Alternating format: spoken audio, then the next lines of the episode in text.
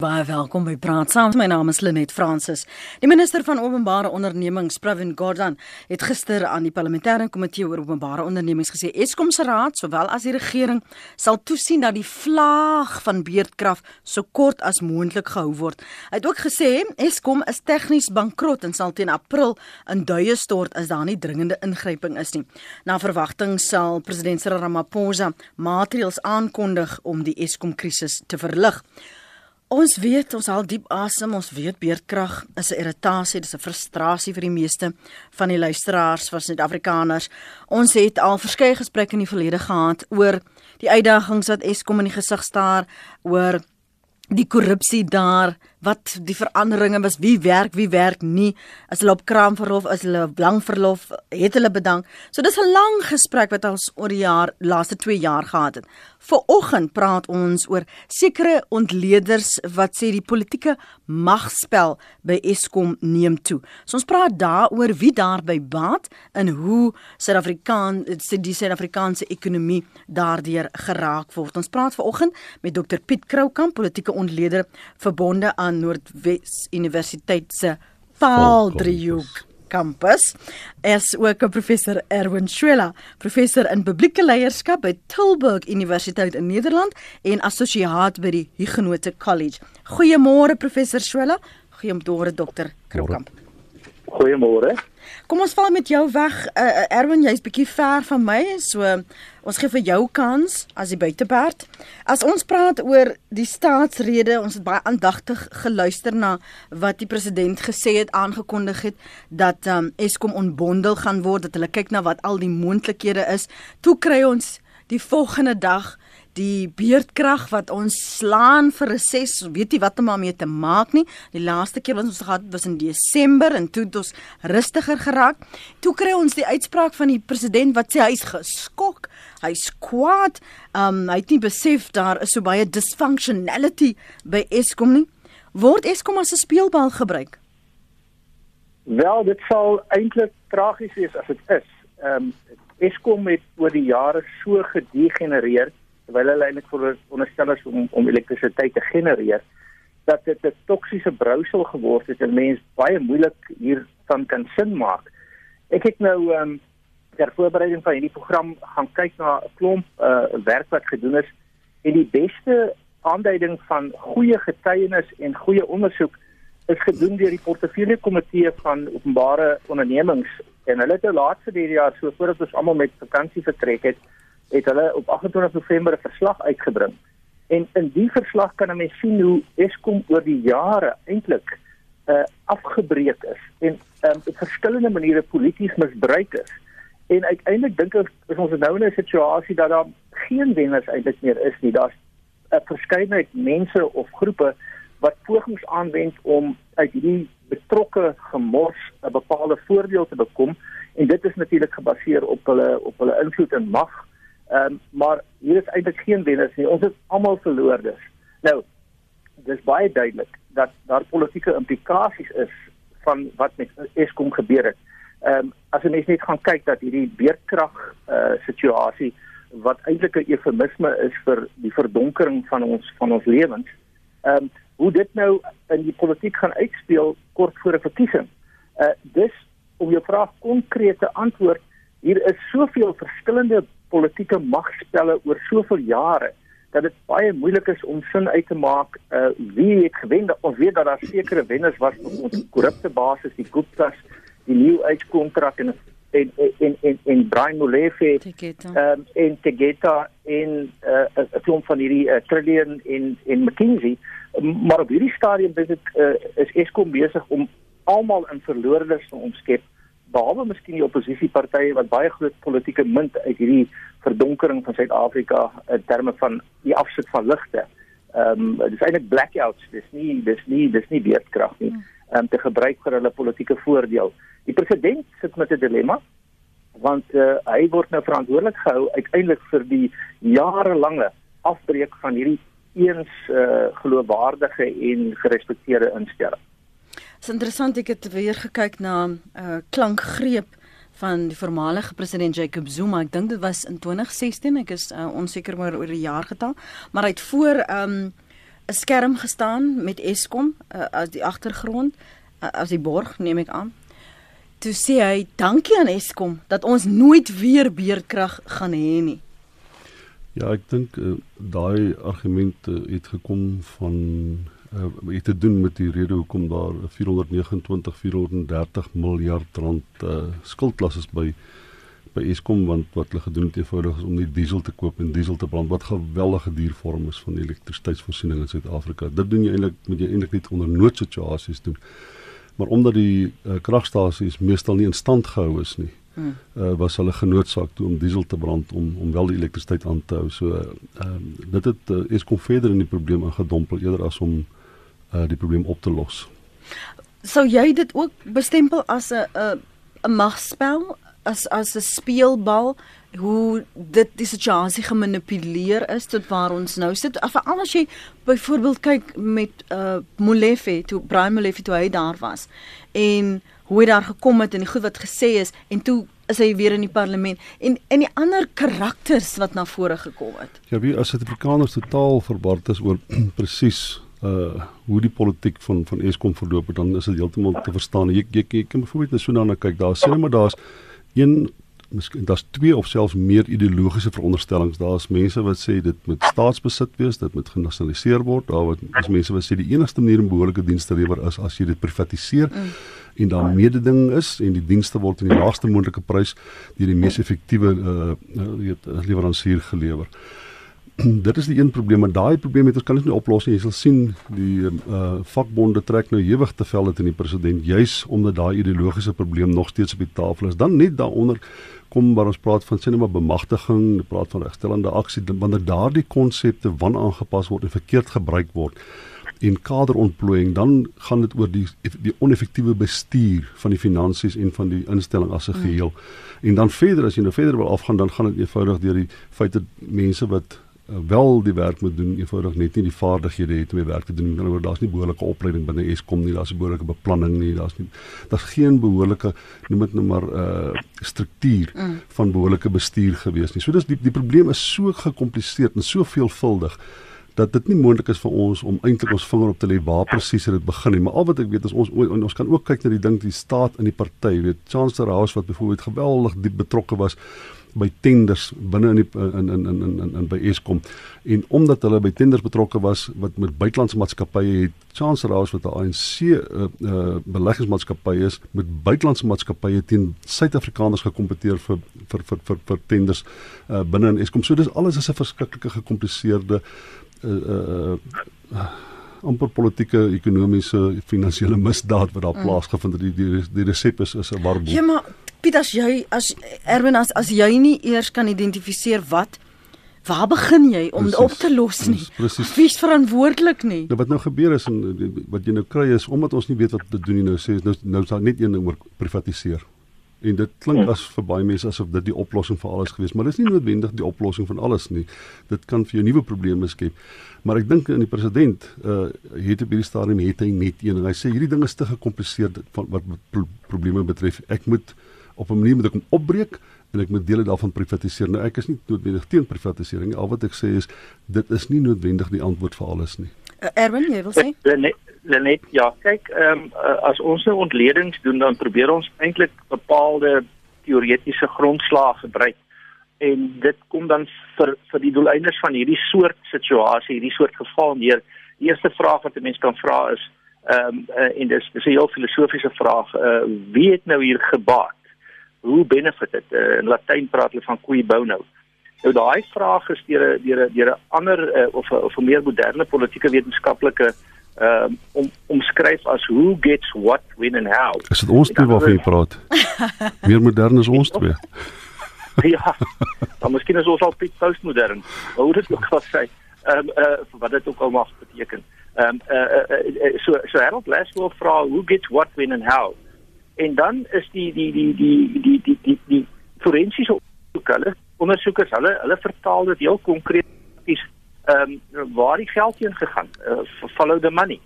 Ehm uh, nou goed as jy na nou hierdie situasie gaan kyk om nou eers te begin analise en soos ek en Piet nou aangedui het dis uh, dis geweldig kompleks daar was eintlik verskywings in wie uiteindelik die geld en die korrupte voordele gekry het. Daar's 'n daar's 'n kabaal op een gegeewe moment en en hulle gebruik dan ehm uh, Eskom as hulle soort van ehm um, ehm um, uh, ATM nee, hulle hulle hulle hulle uh, bank uh, instelling, hulle trek die gelde uit. Dan neem daar 'n nuwe magsgroep oor En uh, omdat die kultuur nou gevestig is dat jy hmm. hierdie soort van ding daar doen, daar's nie daar's nie 'n kultuur van van goeie korporatiewe regering nie. Daar's geen kultuur van verdienste nie. Dis nou reeds gevestig. Die volgende kabaal, die kom net in en ons het dit gesien met die herhaalde vervanging van van direksies en en en eh uh, hoofuitvoerende beamptes. Hulle neem net oor maar hulle gaan straffeloos voor op dieselfde patroon want daar's geen gevolge nie. Hmm. En ek het jy dus dat eh uh, so verskeidenheid van hierdie magsgroeperinge uiteindelik dieselfde gedrag openbaar en dit is wat konstant is. Dit wat konstant is hier is is dat wie ook al by so 'n uh, totaal uh, gesoogde en en in 'n sekere sin vervalle organisasie oorneem waar daar magsvakume is en waar daar geleenthede is vir steel en korrupsie Hulle gebruik nie daai geleentheid. Hmm. So ons het ons het eintlik sulke golwe gehad van mense wat hulle bevoordeel het. En uh, soms is die mense selfs mekaar politieke teenstanders. Maar wanneer hulle aan die mag kom in die betrokke organisasie, dan gaan hulle maar net aan met dieselfde gedrag. Hmm. Ek verneem ek kan natuurlik nou nie my bronne ook openbaar mhm. maak nie. Ek verneem dat uh, uh, hy noem dit 'n kabaal en hy noem dat die een neem oor by die ander dit is so deurvlek van elkeen moet vir sy eie wickets die heeltyd sorg dat al kom iemand in jy gaan nie van die ander ontslaa raak nie want jy weet nie wie eerbaar is nie. Want so het mense daai vlakke van korrupsie in stand gehou vir so lank dat ek wonder as die president praat van onbondeling of dan nou dit opbreek in eenhede watter idee watter deel kan jy toevertrou?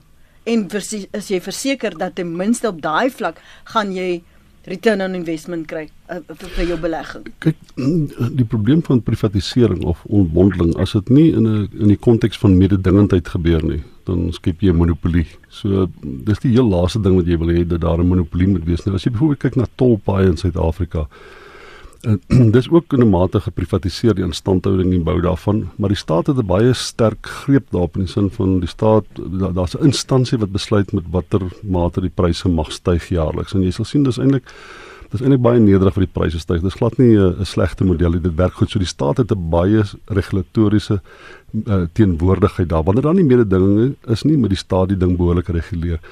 Nou met ons probleem is dat ons het nou twyfel of die staat die kapasiteit en die vermoë en die politieke intensie om die ding behoorlik te reguleer. So daar het ons nou al klare probleem en ons weet nou in die Suid-Afrikaanse ekonomie veral as dit kom by kragvoorsiening is daar waarskynlik nie vreeslik baie mededinging nie. Met ander woorde, hoe gaan jy hom opbreek sodat daar 'n vorm van kompetisie is sodat die beste produkte in die laagste moontlike prys gelewer gaan word? Ons kan dit ook nie op hierdie stadium waarborg nie. Dis hoekom ek sê privatisering is nie noodwendig die panacea of die oplossing vir vir vir die vir die probleem wat ons het nie.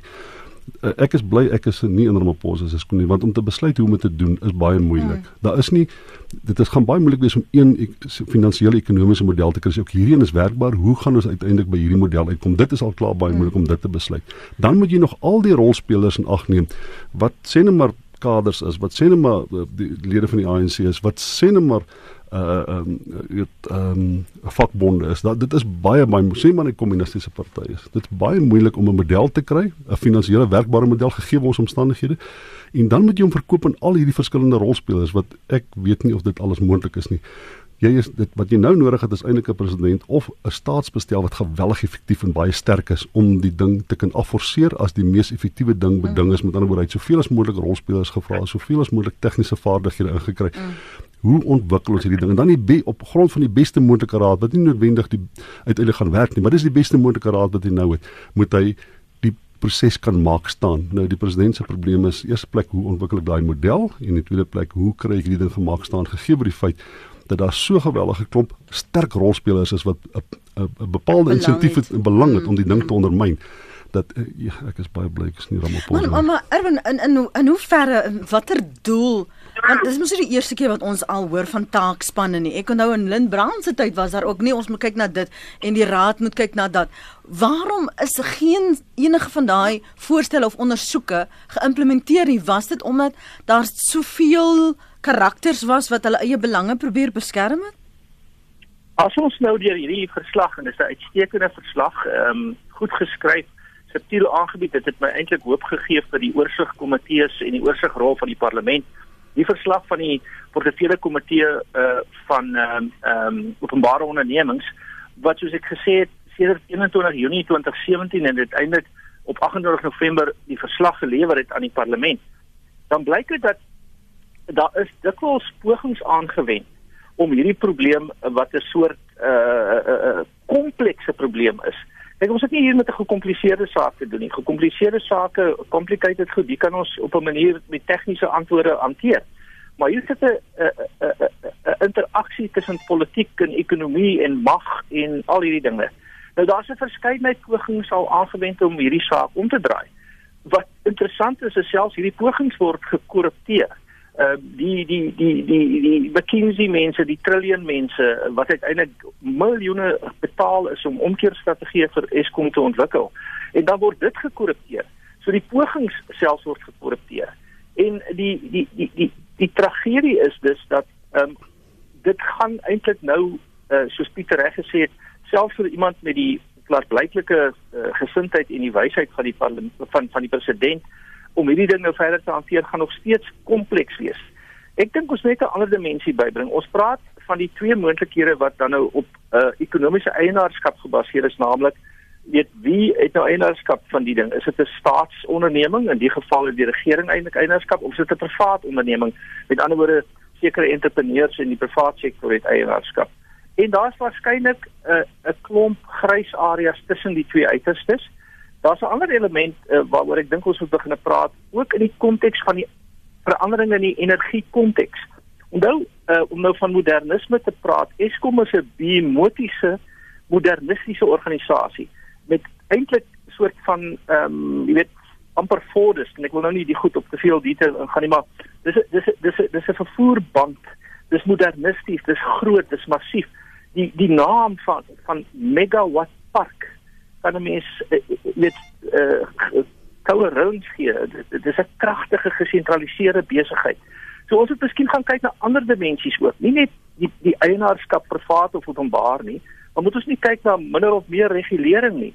As ons begin om die energiemarkte te dereguleer sodat stede en dorpe soos in die verlede hulle eie opwekking, hulle eie verspreiding kan doen en dan ons in die proses ook nie daaraan slaag om munisipaliteite volledig te vernietig nie, want dis ons ander dilemma. As jy te veel met Eskom karring, onthou Eskom voorsien eintlik die grootste inkomste aan munisipaliteite deurdat munisipaliteite krag by hulle op groot maat koop en teen 'n teen 'n winsbaar gegif verkoop. En as as die krag nie loop deur die munisipaliteite nie, is die munisipaliteite uh daar sal weet so derde bankrot, maar dan is dit bankrot, heeltemal bankrot. Goed, so sê ons kyk na ook meer aspekte van hoe ons sinvol kan reguleer en dereguleer ons gaan nie ons kan nie ehm um, dis reg monopolistiese markte kan nie net dereguleer nie. Jy moet versigtig wees, daar moet regulatoriese omgewings wees. Maar kan ons opwekking, voorsiening en verspreiding dereguleer en dat die dat die, die dorpe en stede 'n groter sê kry. Dis heeltemal moontlik om deesdae met groen energie 'n dorp uh, van die van die rooster af te haal. Ek werk toe nogal op daai gebied in my tegnologie innovasie werk. Die ander die ander elemente is behalwe vir, vir vir dan eienaarskap en, en regulering en deregulering het jy het jy dan ook 'n uh, eh, sentralisasie of desentralisasie. So ons het alles gesentraliseer.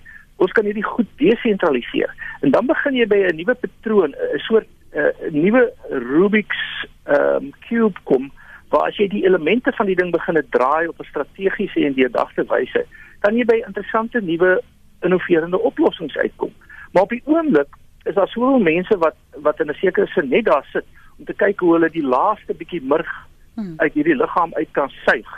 Ehm um, en, en en en en geen belang het daarbey om nuwe oplossings te soek nie. Hulle belang is net om hulle huidige hulle huidige uh ehm um, voordeel te beskerm. Dit is eintlik pervers uh, Hulle net kom ek gee net vir idee en, en dis waar ek en Erwin miskien 'n bietjie sal verskil as dit gaan dit dis baie teoreties. Ek dink hy is heeltemal korrek teoreties, maar 70% van ons munisipaliteite is disfunksioneel.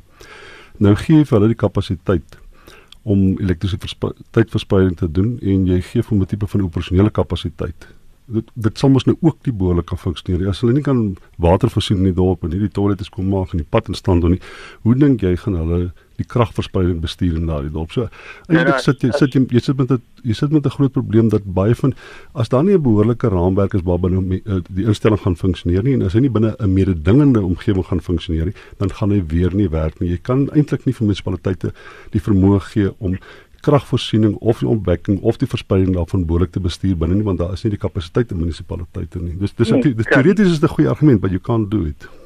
Ja, nee, kyk dit ons ons moet nou nie praat van 70% van munisipaliteite en net die kwantitatiewe gedeelte van kyk nie. 'n Groot gedeelte van mense in hierdie land verstedelik of lewe reeds in stede. Van die groter metropolitaanse owerhede ehm um, het het hierdie vermoë en dit het natuurlik altyd ook die moontlikheid om verkeerd te gaan. Ehm um, en dis nie 'n keuse tussen uh, twee goeies of 'n goeie en 'n slegter een nie. Ons het nou sit hier met keuses tussen tussen 'n klomp slegte goed. En uh, die wat ek eintlik argumenteer is is dat die konteks energievoorsiening het het verskuif van van van van steenkool en en en groot ehm um, gesentraliseerde kragsentrale. Daar's die moontlikheid om kleiner goed te doen. En ehm um, daarom sê ek uh, uh, op geen manier wil ek eintlik argumenteer dat dit gaan maklik wees nie. Maar wat ons nou het is onmoontlik. So ons het 'n keuse tussen tussen maklik en onmoontlik en, en en dan wil ek ook sê alhoewel die die statistiek sê bloot op 'n telling 30% van munisipaliteite is reeds disfunksioneel. Verder 30% is op pad soontoe en dan sal 30% wat dit net net maak en oor tyd daar gaan kom. Hmm. Moet ons juist dan ook begin kyk na daai moontlikhede om die kapasiteit te versterk. Die hele gesentraliseerde ehm um, uh, modernistiese benadering tot kragvoorsiening is besig om die wêreld uit wêreldoor uit, uit, uit datum te raak en ons moet na 'n nuwe model gaan kyk ook vir munisipale finansies. Dankie vir jou oproep Tian. Môre. Goeiemôre Lenet, goeiemôre aan jou gaste. Ja, ek vermoed uh, Johnny is is 'n is 'n groot aktivis anti-Eskom aktivis wat wat wat jy op die lyn gaan kry en hy gaan vir jou 'n lekker agtergrond gee spesifiek van hoe ons in as in in die landbou maar op hierdie stadium bloei onder Eskom. Maar ek wil eh, 'n uh, paar ander goed aanraak. Eerstens wil ek uh, ver oggend met uh, Piet Kroukamp saamstem. Ek het nie gedink ek gaan in my lewe ooit met hom oor iets saamstem nie, maar die hele kwessie van privatisering is 'n is 'n belangrike punt wat hy aanraak. Ons moet verstaan, ek dink in die in die in die in die private sektor is daar magte en kragte werksaam wat uh, wat met uh, hongeroë en kyk hoe hierdie uh, eens magtige en goed funksionerende staatsinstellings in mekaar stort uh doodgewoon omdat dit vir hulle 'n groot stuk markandeel gaan beteken. Ehm um, ek sit eendag op 'n vliegtuig, 'n British Airways vliegtuig, uh en ek en ek besef net maar ek ek kan nie van George of Johannesburg toe met met 'n British Airways vliegtuig vlieg nie. Ek moes met 'n SAL vliegtuig gevlieg het. So ek dink dit is belangrik dat hy sê dat dat privatisering in in sy suiwerste vorm hou nie noodwendig vir ons as verbruikers voordeel in nie, maar dis nou maar net die een van die ander ding wat ek wil wil vra.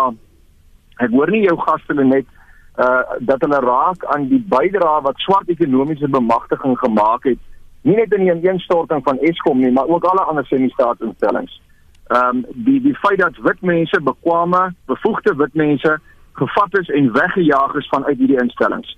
Uh en die bydrae wat dit daartoe gemaak het. So ons ons moet baie meer ons onderspeel heeltemal hierdie swart ekonomiese bemagtigingsdilemma as staatsbeleid uh en die bydrae wat dit maak tot die ineenstorting van staatsinstellings. Ek wil graag hoor wat sê jou gaste daar rondom. Dankie Lenet. Dankie daarvoor. Uh, ons gaan beslis 'n bietjie daaroor moet gesels. Buks juis op lyn 3. Praat met ons. Uh goeiemôre julle almal. Ek skakel die van Ceres af en weet jy vandag is dit so 'n lieflike oggend dat ek nie anders kan as om baie positief te wees nie. So ek wil 'n voorstel maak en ek wil hê julle moet hier laat hierdie ding by Cyril Ramaphosa uitkom. Ek wil voorstel dat 'n man so Piet Krou kan byvoorbeeld 'n Capitec rekening gaan oopmaak. En as ons dan nou 20 miljoen mense kry wat net elkeen 150 rand 'n maand in daai ding inbetaal. En Kusatu spog hulle 16 miljoen lede. So dan kort ons nog net so 4 miljoen. Dan het ons 3000 miljoen rand elke maand wat ons kan help om die rekening op die om die rente op daai groot lening van Eskom terug te betaal. Maar vir ons die voorwaarde vir ons om dit te doen is dat Cyril Ramaphosa ehm uh, die bestuur, die topbestuur van Eskom, almal moet afdank en almal moet oor aansoek doen vir hulle poste. Ander mense kan ook aansoek doen en die ding moet heeltemal deursigtig gehanteer word sodat die mense die beste mense wat weet wat hulle doen, wat kan bestuur, daar kry. Regstellende aksie uitgesluit. Met ander woorde, hulle moet ook kyk na mense wat wat kundig is om hierdie ding te bestuur want dit is die enigste manier hoe ons dit weer gaan regkry. Die volgende voorwaarde is dat hy dadelik moet begin om 'n ondersoekspan van omtrent 50 mense wat kennis is op die gebied van bedrog en korrupsie. Om ondersoek in te stel soos dat, soos die man net maar gesê het volg die geld. Daai mense moet in hegtenis geneem word voor 'n hof kom.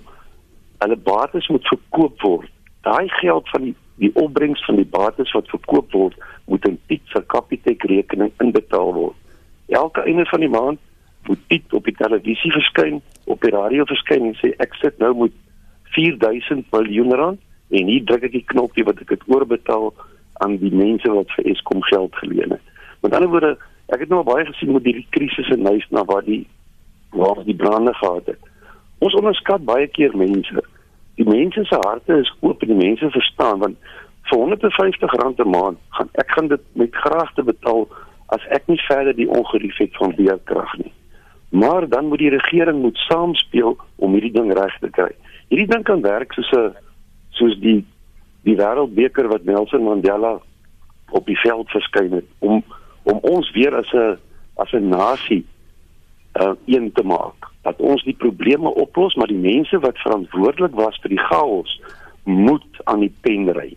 Dit is die dis baie baie belangrik dankie. Ek dink min of meer is dit wat ek wil sê julle moet julle dag geniet. Dankie Bux. Harry sê ek het 45 jaar vir Eskom gewerk. Dit was 'n uitstekende maatskappy wat Puik bestuur is na 94 as Eskom erken as die voorbok in die land wat regstellende aksie toepas. Bekwame werkers is genoop om Eskom te verlaat om plek te maak vir mense wat nie bekwam was nie om die poste te vul en nie eers magtige onder en die eens magtige, ekskuus, onderneming is vernietig. Hoekom betaal die munisipaliteite nie hulle skuld aan Eskom nie? Ons almal kruisig Eskom, is hulle alleen skuldig? En dan sê 'n ander een Die ANC het die vakbonde unies gebruik vir oorlogvoering en om die mag te bekom, daarom kaderontplooiing. Die ANC skuld hulle aanhangers groot gemos los op. Exrus Exrus. Ek weet nie of dit nou nou Chris. O, dis seker Chris, né? Nee? Chris, oh, ja. Ek nou dink dit is 'n swinkie wat hy vir stuur nee, of so iets. ek het probeer om dit dis 'n CF SMS taal oh, Chris. Okay, okay. Dankie Ex Chris. Nog nie my naam is so kon spel nie. Maar ek wil nou vir julle albei herinner. Ons het in 'n stadium gehad en dis waar uh, die president deel van was, hierdie war room wat dan nou met oplossings sou kom en wat ons gedink het is goed op dreef. Julle sal onthou die regte geleide is gemaak. Julle sal onthou die hoe ha wat gemaak is oor die bou van Modupe en Kusile en ons moet net uithou want hulle gaan een van die dae gaan hulle die tydlyne word elke keer verskuif maar hulle gaan die krag wat hulle moet wek, opwek gaan hulle doen. Maar as jy kyk wat hulle opwek en die koste hmm. wat belê is om dit te bou en dit te help niks, nou ander woord gebruik het.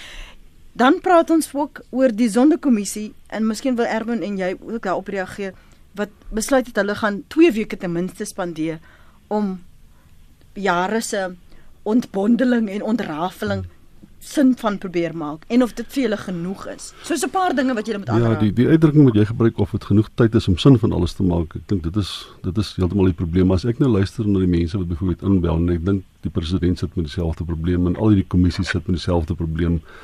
Uh is uh, hoe onderskei ons bepaalde konsepte van mekaar? Byvoorbeeld mense bel en sê hulle maar dis swart ekonomiese bemagtiging en regstellende aksie is in die hart van die probleem. Uh ek, maar ek dink wat hulle doen is hulle verwar kaderontplooiing met regstellende aksie en hulle verwar kaderontplooiing met swart ekonomiese bemagtiging. As jy nie daai twee gehad het, as jy nie swart bemagtiging gehad het en jy het nie regstellende aksie gehad nie, was Suid-Afrika 'n baie baie donker land vir baie baie mense gewees. Want dit sou eenvoudig nooit die demokratiese stelsel gelegitimeer het nie. Dan word mense sal altyd twyfel gehad het of demokrasie 'n bepaalde waarde toevoeg tot hulle lewens. Jy moet daardie goed hê.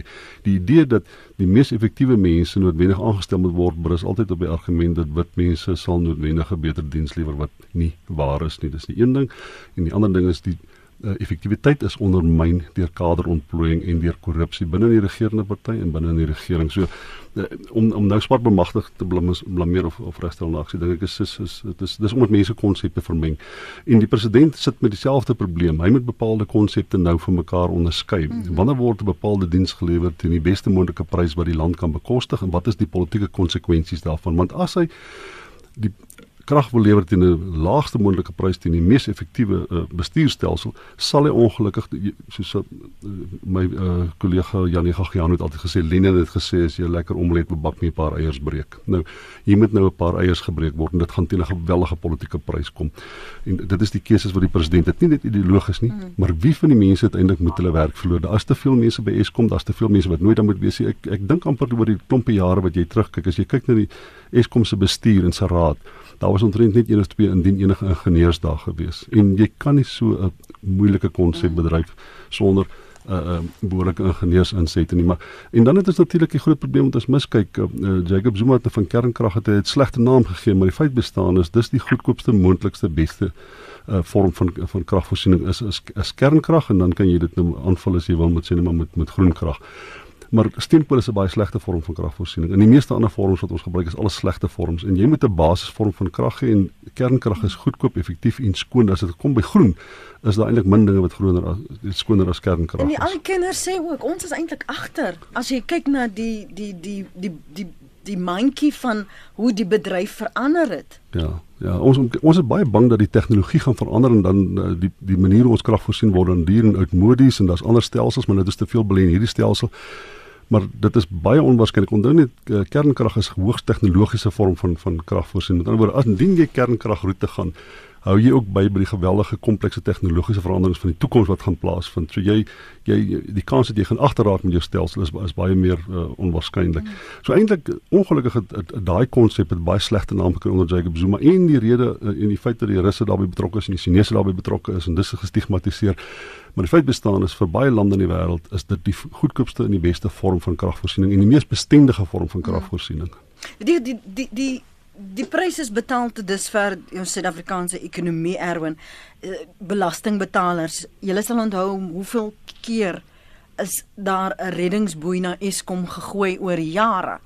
En elke keer dan hoor ons daar gaan 'n verhoging wees en dan as jy hierdie voorleggings uh, wat aan Nersa gedoen word en dan hou ons asem op want wat beteken dit vir ons kan ons aanpas en die hoop wat ons geplaas het in in 'n Medupe en 'n Kusile en ten minste nou die Chinese nou die biljoene gegee nou gaan daar miskien 'n verandering kom.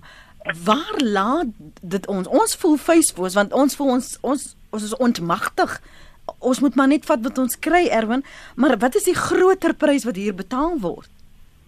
Ek dink ons moet net weer teruggaan en en Piet het uh, korrek begin aanvanklik om te sê idees wat ons dan bekleem met mag wat dan ideologie word het 'n groot impak oor wat ons daarna doen mm. en dan begin jy met daai onderskeidings tussen jy weet wie is nou die eienaars en wie is die wie is die uh, uh, bevoordeeldes.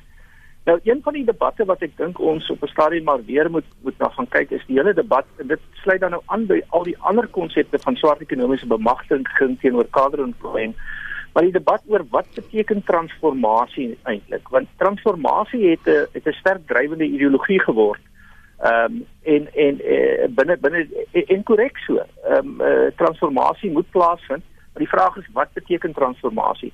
Ek het vir baie jare gesoek na maatstawwe vir transformasie. En die beste wat ek kon kry is in die grondwet die waardes vir publieke administrasie en maar eintlik die waardes vir regering is. En daai waardes van transformasie sê daar moet effektiewe dienslewering wees, daar moet etiese dienslewering wees en dan moet daar ook verteenwoordigendheid wees. Dit lyk my wat ons hier kry is dat daar 'n voortdurende oorbeklemtoning is van verteenwoordigendheid soms ten koste van effektiewe dienslewering en etiese dienslewering. Onthou nie in alle gevalle nie, daar's uiters bekwame uh, mense van van uh, Suid-Afrikaners van verskillende agtergronde. So ehm um, die aanname wat dikwels gemaak word ja, uh, dit word baie vinnig kry ehm um, van jy weet uh, dis eintlik is uh, uh, swart mense is oneffektief en wit mense is effektief en daarmee stem ek hoegenaamd nie saam nie. So ek ek gaan nie sulke krieg goed doen nie. Maar dat daar 'n debat nodig is oor wat beteken transformasie en dat ons effektief eties en ook terselfdertyd verteenwoordigendheid moet wees dit dis belangrik. Nou nou praat ons almekaar van mense wat wat wat wat wat verloor het en ons wat swaar kry. Maar weet jy uh, ek dink ook uh, wat ons oor op 'n stadium moet ook praat is is die die arme mense daar binne die organisasies. En da da daar was byvoorbeeld uh fluitjie blaasers die die Nederlanders praat van klokkeluiers. Uh wat wat uitgekom het en en en, en gesê het maar hier gaan goed verkeerd rondom die Gupta programme. Die een interessant was Susan Daniels. Die die vrou mhm, het het, het mhm. gelei. Mense het mense het, het selfdood gepleeg. Mense het stres. Sy sy gaan en sy en sy sê maar hierdie hierdie verspandering aan the new age is verkeerd, kan nie gebeur nie. Ehm um, en wat gebeur met haar? Die spandering aan die the new age gaan voort, maar sy word geskort omdat sy sogenaamd kon sy oorspandeer het op 'n spandou oefening vir haar span. Dis 'n soort van menslike elemente. O, o, ons praat dikwels van die groot stelsels. Mense het hier gelei. Mense is behandel op maniere wat onmenslik is. Hierdie hierdie stelsel is op verskillende maniere vergelykbaar. Kan seker nie slegter kry as wat apartheid was nie, maar hierdie is vergelykbaar met die mensonterende soort van benadering tot mense. So, uh, Lenet ons ons ons gaan moet gaan kyk na die filosofie, die idees, die instellings en die implementering van al hierdie goed. Maar wat ons nou het, werk net nie en dan is gesprek belangrik en gesprekke soos hierdie is ook belangrik. Maar ons kan nie vergeet nie hierdie verwysing na die vakbonde wat beswaar maak oor oor die ontbondeling en die werksverliese wat daarmee gepaard sou gaan. Dan moet ons onthou dat Kusato byvoorbeeld 'n bondgenoot, bedgenoot is um, van die ANC en daar is ook 'n paar um, agendas. So jy jy praat die hele tyd van hoe as en waar hy sy rug teen die muur het omdat hy op soveel verskillende vlakke moet bepaal wat is die beste besluit? Hoe benader jy dit? As jy dit op skrif sit wat is die onmiddellike wat moet gebeur? Wat help dit die minister van openbare onderneming sê dis tegnies bankrot en ons moet hierna kyk daarna kyk veral met 'n verkiesing om die draai die die vakbonde en die president het twee verskillende uiteenlopende belange. Die president sit met 9 miljoen mense wat werkloos is in Suid-Afrika mm. en die ANC sit met dieselfde probleem. Daai mense wat werkloos is, stem op hierdie stadium in 'n groot mate vir die ANC, maar dis mense wat ontstig en ontstel raak met goeie redes. Maar die president wil baie graag meer mense werk gee. Vakbonde wil mense wat reeds werk het, se belange bevorder. Hulle wil nie meeding met mense wat nie werk het nie, want dit kan meebring dat daar 'n verlaging is en maar die voordele ja. van werk hê. So in daai opsig sit die president met 'n probleem wat totaal anderster is wat vakbonde ten spyte van sy eie agtergrond binne vakbonde en ten spyte van die feit dat die ANC en die vakbonde eintlik in 'n vorm van 'n alliansie is, maar jy sal sien die laaste paar jaar het daai vennootskap baie baie afgeneem. Ek weet nie of jy weet nie, maar as jy die staatsdiens uithaal uit die arbeidsmark in Suid-Afrika is net 18% van alle Suid-Afrikaners wat werk is nog lid van 'n vakbond. Net 18% van die totale werksmark is nog lid van 'n vakbond. So eintlik moet vakbonde nie die geweldige groot rol speel wat hulle tans speel nie. Hulle moet want en, en, en dit saam met die feit dat hulle net vir mense wat reeds werk het 'n bepaalde belang verteenwoordig. Moet 'n mens hmm. dan moet jy op 'n manier moet jy kyk na wat kan wat wat wat behoort hulle impak te wees op 'n besluit wanneer jy praat van 9 miljoen mense wat werkloos is. Nou in die verlede het vakbonde die vermoë gehad om te masseer, om hulle werk te onthou en om baie onbestendigheid binne in die arbeidsmark te veroorsaak. Omdat dit nou so klein is, is dit is hulle minder effektief in daai opsig. Nou dis hoekom jy by by die groot probleem by Eskom kry, is nie noodwendig die vakbonde nie, maar dis die saboteurs. Dis iemand wat kan die kragstasie in die brand steek of 'n moersleutel in 'n turbine los daai verskynsel speel nou 'n baie groter rol as wat vakbonde as dit ware speel binne in binne in in in in in Eskom. Hmm. As jy jy hoor ek die gesprek onder die binne in die kabinet en die parlement, hulle vra wie's die mense wat die proses saboteer? Hulle vra nie wie's die vakbonde wat teen dit is wat ons doen, hulle vra wie's die mense wat die proses saboteer? So in daai opsig is vakbonde word eintlik word oorskat in terme van hulle kapasiteit en wat hulle veronderstel is om behoort te kan doen. So daar's 'n ander 'n ander vlak van ondermyning wat hmm. plaasvind hmm. en as jy kyk uh, Erwin na die moraal by Eskom van werkers wat wat hulle sit daar, hulle kry die pyn, maar wil hulle daar wees nie noodwendig nie. Nou goed, om om met te begin Eskom uh, en daaroor is daar baie goeie getuienis is een van die besbetalende werkgewers in die land. En ons weet dat Eskom uh, uitvoerende beamptes en en senior bestuurders het uh, vir hulle self oor die jare groot ironies genoeg prestasiebonusse toegeëien. Mm -hmm. So uh, daar sit al 'n groot probleem. Ek dink die, die die tweede aspek net om jou vraag te antwoord net, ehm um, daar's nie twyfel dat dat hier 'n vorm van uh, dramatiese en radikale ingryping moet wees nie. En ons kan nie bekostig dat Eskom nie die finansiering kry nie, maar nou het hulle by herhaling al finansiering gekry. So as jy my vra, moet daar nou maniere gevind word om weer eens ten koste van ons almal die finansiering in plek te kry sodat die ding net kan aan die gang bly. Maar nadat dit gedoen is en die ding het te maak met dan medium, kort, medium en langer termyn strategieë my gevoel is is miskien moet 'n mens doen wat ons soms doen met die vele disfunksionele uh, munisipaliteite. En dit is om te sê plaas die ding onder administrasie. Dan kom ons nader aan die een inbeller se se se se poging ehm um, um, om om miskien uh, ja, ek moet nou nie vir Piet die geleentheid te gee om dit te finansier, maar uh, dit dit dit dis nou nie die punt nie. Plaas die ding onder administrasie. Uh, ons stel almekaar nuwe direksies aan uh, kry 'n klomp tegniese kundiges uh, betrokke. As jy dit dit gedoen het op die kort termyn, dan begin jy met 'n strategie wat sê ons gaan nou terug na 'n groter vorm. Dit is nie die enigste manier maar, maar van verdienstelike aanstellings waar ons kyk dat ons die beste kundigheid inkry en dan moet ons die ding stadig maar seker beter doen. En laastens dan sê jy dat vakbonde het 'n rol om te speel en en verseker ehm um, uh, beskerm hulle hulle lede se belange, nie, nie ander mense se belange nie, maar dan moet jy ook absoluut uitstekende arbeidsbestuur doen. Ehm um, en as jy net gaan kyk, dit is dit is rampspoedig en skandalig dat daai nuwe kragsentrale eh uh, Kusili en ehm um, Medupi Medupi dat dat dat dat dat uiteindelik is die kontrakprys wat betaal is vir hulle oprigting tot 3 keer so groot as die hmm. aanvanklik beplande kontrak wys hoe sleg sy kontrakte bestuur en nou sê die president en en op goeie gesag uh nee uh, minister Gordon sê op goeie gesag dat dat dat die goed is swak gebou.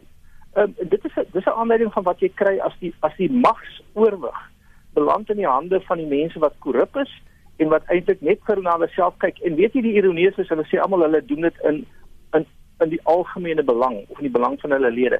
Hulle is grootliks daarop ingestel om hulle self te verryk en ons almal anders te benadeel. En die resultate is baie duidelik. Dit is doodgewoon duisternis Ek wil nog nie op daai donker noodwendig nie. Ja, ek wil Kan ek lieg oor ietsie optimisties? Maar maar ja, moenie lieg asseblief nie hier nie, nie my teenwoordigheid nie. Dan word ek verantwoordbaar gehou. Ek wil vir jou vra want want daar's uitlopende menings daaroor en dis waarmee ons gaan afsluit.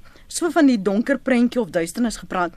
Daar is baie wat graag of wat beweer dat die die drama, die die verbrokkeling dan nou van Eskom onder met die aanstelling van om met die president Jacob Zuma in 2009 waar ons aanvanklik as 'n kragvoorsiener ehm um, heel ek dink 8ste of derde grootste kragvoorsiener was, so geval het na 11de dat dit weens sy betrokkeheid in inmenging dit versleg het. Ehm um, dit hoe waar is dit?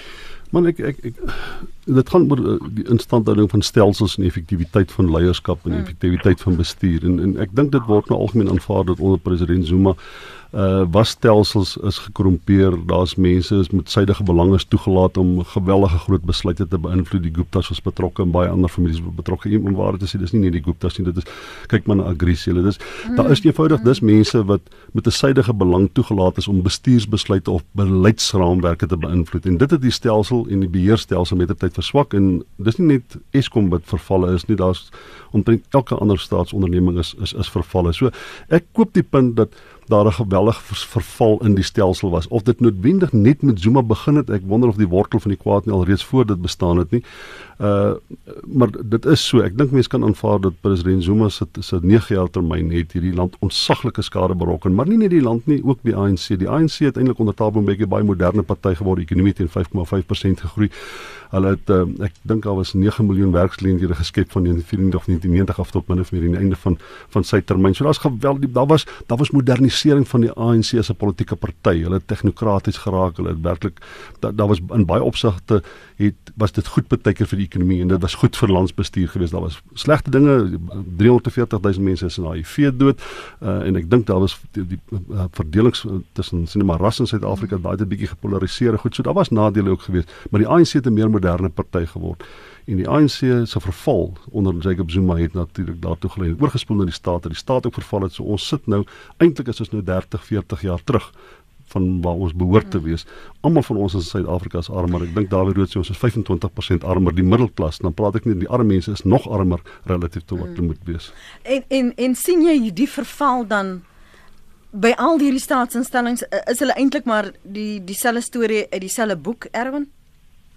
Ja, ek dink uh, ons het verseker gesien dat as gevolg van hierdie perverse inmenging en en en en verpolitisering van alles uh, vir die verkeerde redes. Politiek het 'n belangrike rol om te speel in die samelewing. Het ons gesien dat daar eintlik 'n tendenslyn is wat sê dat jy weet of dit nou die Suid-Afrikaanse uh, Airways is en of dit nou die SABC is en of dit nou die poskantoor is. Ehm um, uh, Daniel hierdie tendenslyn het oral weer geloop. Wat ek dink ons moet sê is is dat die makro-instellings, die instellings van demokrasie, die regstaat, vryheid van die media, gereelde en regverdige verkiesings, mededingende verkiesings, het tog 'n manier om hierdie goed reg te stel. En ironies genoeg, een van die groot verloorders hier is die ANC. Uh en op 'n manier die president uh, as die as die president van die land speel 'n rol, maar as die leier van die ANC het hy het hy 'n ernstige uitdaging hier, want hy moet verklaar hoe dit nou gebeur het. So dit is eintlik vir almal, ook vir die ANC of enige regerende party beter dat 'n mens hierdie instellings goed bestuur. Op die kort termyn is dit verskriklik aantreklik dat jy vir jou eie gewin die goed besteel en vir jou eie gewin aanwend. Maar op die medium en die langtermyn verloor selfs die instellings wat wat op een of ander manier aanvanklik sou bevier voordeel kan word deur korrupte wees. Uh, ons het nie gepraat oor vir die rol van Chancellor House. Hmm in die ANC met die aankoop van van ketels van van swak gehalte nie.